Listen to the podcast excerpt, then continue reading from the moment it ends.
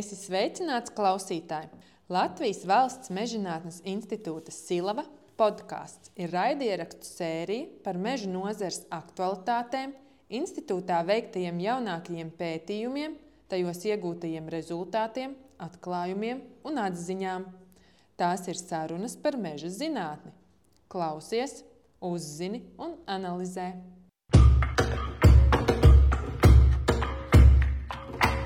Esiet sveicināti Silavas podkāstā. Šodienas tēma - ģenētika un ģenētiskie pētījumi Mežģinātnes institūtā Silava. Man ir tas gods šodien sarunāties ar Silavas vadošo pētnieku, ģenētisko resursu centru vadītāju Dainu Runģi. Sveicināts! Labdien! Vienā no iepriekšējām podkāstu epizodēm jūsu kolēģi jau pastāstīja par Latvijas laukaugu sēklu banku, kas ir Silavas ģenētiķu pāraudzībā. Bet šodien man ir iespēja ar jums iepazīties tuvāk un uzzināt vairāk par to, ko Silavā dara ģenētiķi. Jāsaka, ka es jau veicu mazu izpēti internetā, un tāpēc man noteikti ir jāpajautā, kā molekulārais ģenētiķis no Austrālijas nokļuva Silavā Latvijā? Silavā strādāju kopš 2006. gada, laikam, un es uh, uzaugu, izmācījos, ieguvu doktora grādu Austrālijā, kur es disertāciju izstrādāju par PNS marķieru izmantošanu kokvilnas selekcijā. Man bija iespēja pēc doktora grāda iegūšanas uztaisīt uh, postdoc Kanādā, Vankūverā, Britkolumbijas Universitātē. Tas arī bija par teiksim, marķieru izstrādi un izmantošanu un pētījumos, bet tas bija par ēgli. Un tad izdomāju, 5. un 6. gadā varētu arī Latvijā padzīvot. Un, un, un tad vienkārši veiksmīgā kārtā bija šī pozīcija Silavā, pieejama, kur viņi meklēja kādu, kam bija pieredze ar ģenētiku un ģenētiskiem resursiem, un arī gēnu banku, jo tajā laikā banka tika pārcelt no bioloģijas institūta šejienes. Un jā, es tad laikam atrados pareizā vietā, pareizā laikā, jo tad es varēju salikt kopā gan uh, zināšanas par laukaugiem, par mežiem un par ģenētiku. Un šeit es vēl esmu. Sanāk, ka jums ir saknes Latvijā. Jā, nu, abi vecāki dzima Latvijā. Tad otrā pasaules kara laikā kopā ar vecākiem atstāja Latviju uz Vāciju un tad uz Austrāliju. Tad vienmēr bija tā saikne ar, Latviju un Latvijas sabiedrību. Tagad esmu atkal šeit Latvijā. Tāds aplis ir noslēdzies. Jā. Tad noteikti, kad vairāk pievērsīsimies par tiem ģenētikas pētījumiem, mm. Mežģinātnes institūtā Silava. Varbūt pirms mēs sākam vēl par to, Kā tas ģenētiķa darbs Latvijā atšķirās varbūt, no darba Austrālijā? Tā pieredze, ja salīdzina, kādi ir tie izaicinājumi, ar ko saskaraties ikdienā, vai tomēr ģenētiķim ir darbiņš visur līdzīgs? Nu, ir līdzīgs, jā. Nu, protams, katrā valstī un katrā vietā ir savas priekšrocības, nianses, īpaši zinātniskā darbībā. Pirms es uh, sāku strādāt šeit, Latvijā, es biju, biju saticies ar dažiem zinātniekiem. Viņi domāja, ka tas bija pavisam traki tajā brīdī mēģināt kaut kā vispār zinātnē Latvijā izveidot uh, karjeru, ja nāk strādāt. Bet, nu, kā es teicu, es tieši konkrēti savā gadījumā iekritu pareizā vietā, pareizā laikā. Un, un, un DNS jau ir vienāds jebkur paraugu ievākšana te varbūt atšķirās. Un varbūt daži tie jautājumi, uz, uz kuriem grib atbildēt. Metodikas un teiksim, laboratorijas darbi daudz neatšķirās. Tad sanāk, ka eh, Silavā pieejamais tehniskais nodrošinājums ir ļoti labā līmenī. Pamatā, kad mēs izdevām DNS, mēs lietojam vienu un to pašu iekārtas un aparātus un, un pieejas un metodikas, vai tas būtu vilks vai priede vai egli vai kaut kāds cits eh, augs. Tad varbūt arī pašā sākumā, kas ir vispār ģenētika un kāpēc viņu pēta un kādi ir tie pamatlikumi vai ģenētikas tās metodas, ko vispār pielieto pētniecībā? Nu, pamatā ģenētika ir tas pamats, kas nosaka atšķirības starp individiem. Un, kas, protams, tas ir, ir pamats visam mūsu ikdienas dzīvē, tas ir pamats meža koku selekcijai, kur uh, atlasīt tos labākos individus. Pamatā tur ir ģenētika.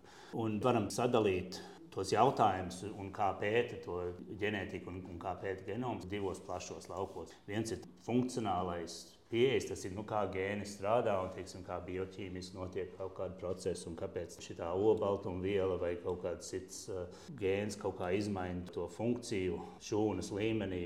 priedēji. Bet uh, otrs, kas varbūt ir vēl plašāk un, un vairāk izmantots, ir nevis kā funkcionāls pētījums, kas varbūt tieši būtu tie fundamentālie pētījumi, bet var izmantot to genomu tā kā tādu informācijas avotu, kur var apskatīties nevis tikai no funkcionālā skatu punkta, bet nu, tādu saucamo vēsturisko skatu punktu. Un tur ir sugas, vai populācijas, vai individu teiksim, vēsturi, izcelsme un tādas lietas atstāja kaut kādas pēdas tajā genomā. Un ar ģenētiskām metodēm mēs varam to izpētīt un noteikt, kas ir tie, kaut kādi individu vecāki, ja, no kurienes kaut kāda populācija ir izcēlusies. Vai tā ir vietēja izcelsme, vai tā ir uh, ievesta vai ienākusi uh, no cita reģiona.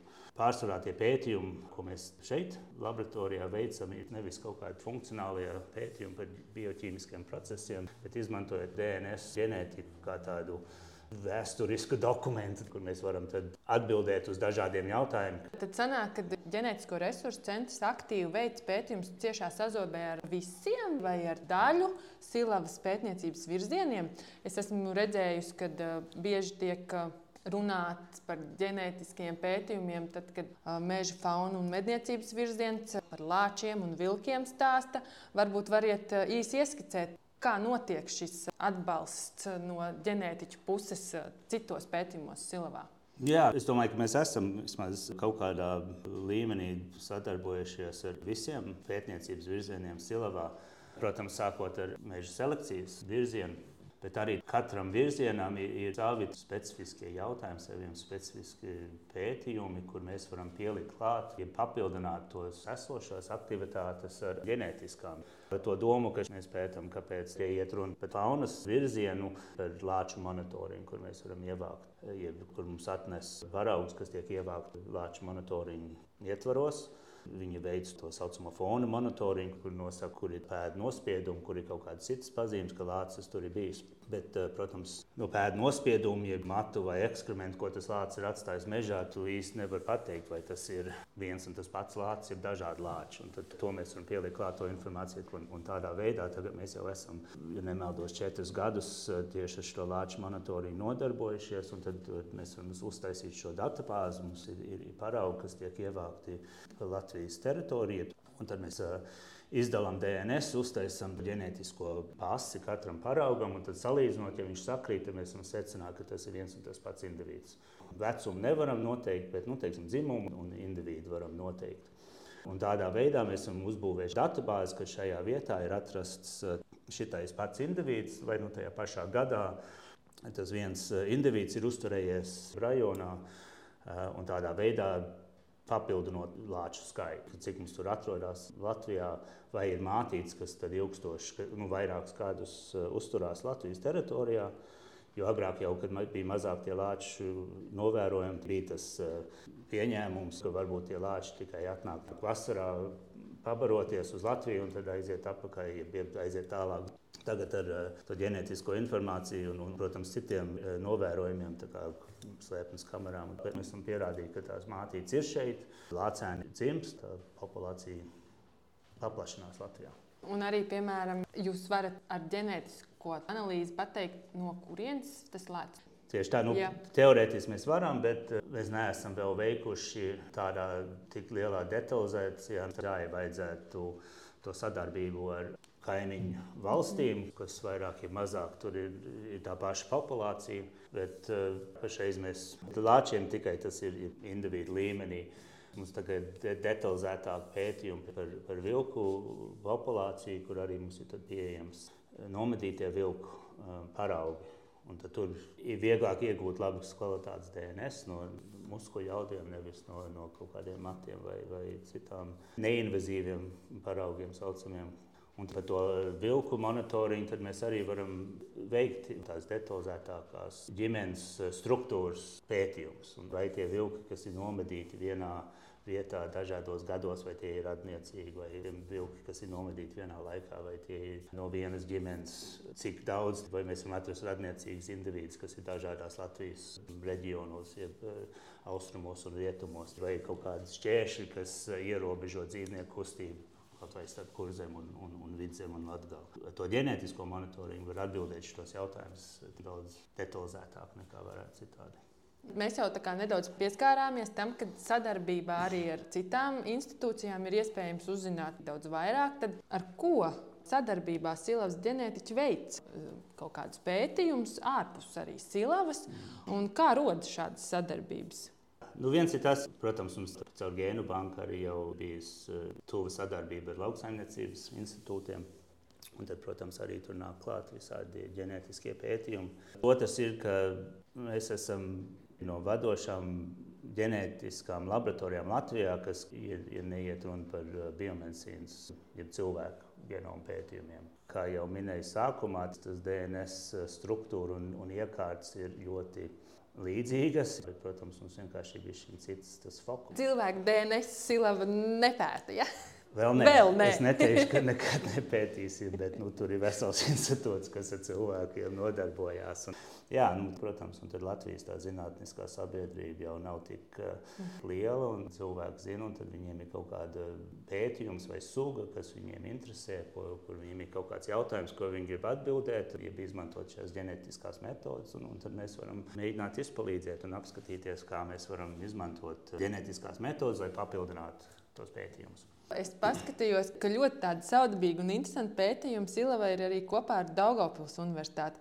Varbūt varat pastāstīt vairāk, jo tagad tieši dārza darba sezona ir sākusies, un tas biets kailgliemezis ir daudzās mājās un daudzos dārzos. Ko jūs tieši ar tiem kailgliemežiem pētat? Daugopils universitātē bija tāds pētījums vairāk tieši par invazīviem sugām, tieši par Spānijas kailgliemežu, kā rīkoties, kā ierobežot Un, jā, tad mums bija tā viena pētījuma daļa, kur mēs, jo, protams, tās invazīvās kailgliemeža sugas un arī vietējās Latvijas kailgliemeža sugas. Un viens tas jautājums ir tieši par invazīvām sugām, no kurienes viņi ir atnākuši, cik ātri viņi izplatās, kā viņi ienāk izstrādāt kaut kādus plānus, kā ierobežot to. Tad mēs bijām veikuši gan populācijas pētījumu, kad ievācām skaļgliemežu paraugus no visas Latvijas teritorijas, kur viņi atradās gan vietējās sugas, gan invazīvās Spānijas sugu. Un tad mēs ar DNS marķieriem uztaisījām analīzi, un tad mēs viņam salīdzinājām, ko mēs atradām. Ir, ka lielākā daudzveidība ir tieši pie stādaudzētavām, kas tad norāda uz to faktu, ka ienākšanas vieta ir tieši tādiem, kas sādaudzētavās.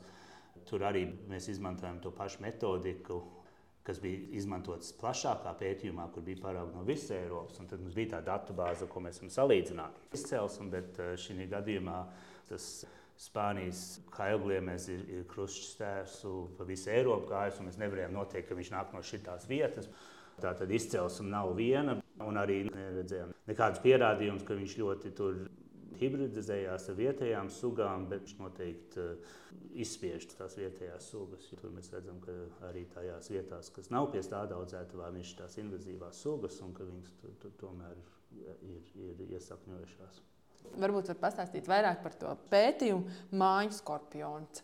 Arī Daugopils universitātē man nācās arī paskatīties. Ir pat aizsargājums tāds zirnekļveidīgs dzīvnieciņš, un Kā jūs pašus tos skorpioniņus ņēmāt, paraudziņus? Ko jūs ar viņiem darījāt? Šitais ir arī mums tāds jaunums, un burtiski līdz šim mums ir viens paraugs spirtā atnācis. Bet pētījums nopietni, man liekas, tikai sāksies šogad. Bet tā doma ir, jā, kā minēja, ka tā ir aizsargājumā suga, bet viņi laikam dzīvo koku dobumos. Un, protams, tad apsekot to, noskaidrot, cik viņi izplatīti ir un atrast viņu ir, ir grūti. Tad uh, radās tā doma to pētījumu veikt un izmēģināt, vai mēs varam izmantot kaut kādas ģenētiskas metodes. Noteikti, vai tā suga kā tāda ir, ir kaut kad bijusi tajā vienā dobumā. Un tas ir teiksim, savādāk kā tie pētījumi, ko mēs tagad līdz šim esam pārunājuši, ka tas teiksim, indivīds ir, ir tas uh, pamatu pētāmais objekts. Šī gadījumā mēs vienkārši gribam noskaidrot, vai tā suga ir bijusi kaut kur vai nē. Un tad mēs varam arī izmantot uh, DNS pēdas, ja, kas ir raksturīgi tieši tai sugai. Jo, protams, atšķirības starp sugām arī parādās DNS uh, līmenī. Nu, redzēsim, kas tur sanāks. Tā doma ir ievākt paraugus, kas atrodas tajos koku dobumos izdalīt kopējo DNS un tad uh, meklēt tieši to specifisko māju skorpionu sekvenci tur iekšā. Nu, ja mēs varam atrast tā sekvenci, tad mēs zinām, ka viņš kaut kādā brīdī tur ir bijis. Vai nu tagad, jeb agrāk. Un tādā veidā palīdzēt ar pētījumu, to izplatību noteikšanu. Mums nav jāredz to dzīvnieku kā tādu, jāpieķer viņu aiz, aiz kājas, jeb aiz astes, jeb kā, bet, bet mēs varam ar DNS metodēm noteikt, vai viņš tur bijis kaut kādā vietā. Tas ir ļoti interesanti, viņa pēdas meklēt. Kopumā man rodas tāda sajūta, ka tā sadarbība, protams, nenotiek tikai ar Daugopils universitāti. Mm. Droši vien ir sadarbība to pašu Latvijas Jā. universitāti, arī Latvijas biozinātņu un tehnoloģiju universitāti, Jā. kas kādreiz bija Latvijas lauksaimniecības universitāte. Un kas ir tās sugas, varbūt, kas pašiem ir palikušas tādas interesantas, ar ko ir strādāts un pētīts? Jo katrai sugai varētu būt apakšā ļoti interesants stāsts.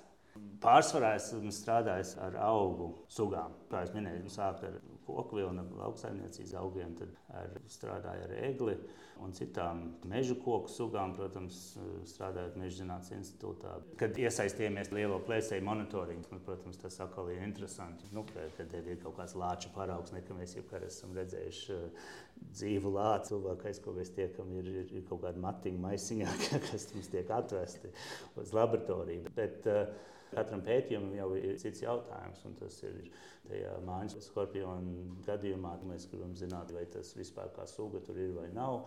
Citi pētījumi, tas, tas viens varbūt, kas bija pavisam tāds nu, tā neparasts piedāvājums, kad mums bija sadarbība ar Rīgas Biržas muzeju pirms pāris gadiem, kur viņiem bija izstāde par eh, Holandas vecmeistaru gleznām, kas tajā laikā tika gleznotas uz koku paneļiem, bija tirdzniecības saites ar Baltiju un Nīderlandi tajā laikā.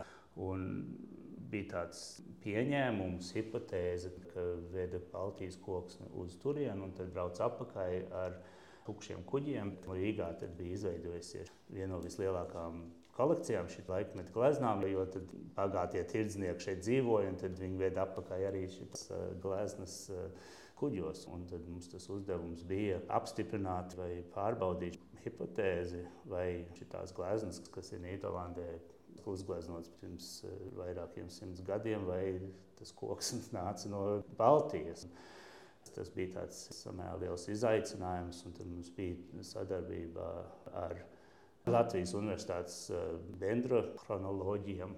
Un tad gan ar to dendrochronoloģisko pieeju, kur pēta koksnes pieaugums un arī ar DNS metodēm. Nu, Mums tie rezultāti varēja būt labāki, bet ņemot vērā, ka mēs mēģinām izdalīt DNS no gleznām, kas ir jau 400 gadus vecas un stāvējuši ne, teiksim, DNS saglabāšanai labvēlīgos apstākļos, mēs varējām pateikt, ka tā izcelsme ir no austrumu Eiropas un tā nav no centrāla Eiropas. Tātad, protams, pētījumi šiem veciem DNS paliek vairāk un vairāk reāli un, un izdarāmi. Es domāju, uz priekšu būs uh, citi pētījumi par šo ar šo saucamo veco DNS vai seno DNS. Tad tas eh, vēl paver plašākas iespējas. Pētījums Silavā var veikt ne tikai par augu un dzīvnieku sugām, bet arī par tas koks, jā, jā. 400 gadu vecs, bet nu, tomēr pārstrādāts. Nu, tur, jā, un to var izmantot teiksim, tās ģenētiskās metodas, ja ir tā datubāze, ko var salīdzināt. Bija jau veikts pētījums par ozoliem visā Eiropas mērogā, ko mūsu iegūtos datus varam salīdzināt. Bet eh, teiksim, tāds ļoti mūsdienīgi jautājums, kas ir koksnes granulas izcelsme. Jo tagad bija tāds jautājums, vai kaut kāda eh, granulu krāva, kas ir saņemta Eiropas Savienības eh, ostā, ir aizdoms, ka varbūt tā ir īstenībā no Krievijas un ka mēģina apiet tās sankcijas kaut kādā veidā. Un, un tad šādā veidā arī var izmantot DNS metodes, pirmkārt noteikt to sugu Un otrkārt, arī ja bija ļoti plaša izplatīta suga. Ja ir datubāze, ko salīdzināt, var arī mēģināt noskaidrot to izcelsmi. Tad sanāk, ka tā sadarbība ir ne tikai ar Latvijas zinātniskajām institūcijām, bet arī ar, ar starptautiskajām. Nu, tas granulis nav vēl aizgājis kā pētījums. Tur vienkārši bija tādā pārunas līmenī, vai tas mm -hmm. ir mhm. iespējams un vai to mēs arī varētu Latvijā. Tad, jā, nu, mums tā sadarbība ir ar plašākiem Eiropas zinātniekiem. Principā.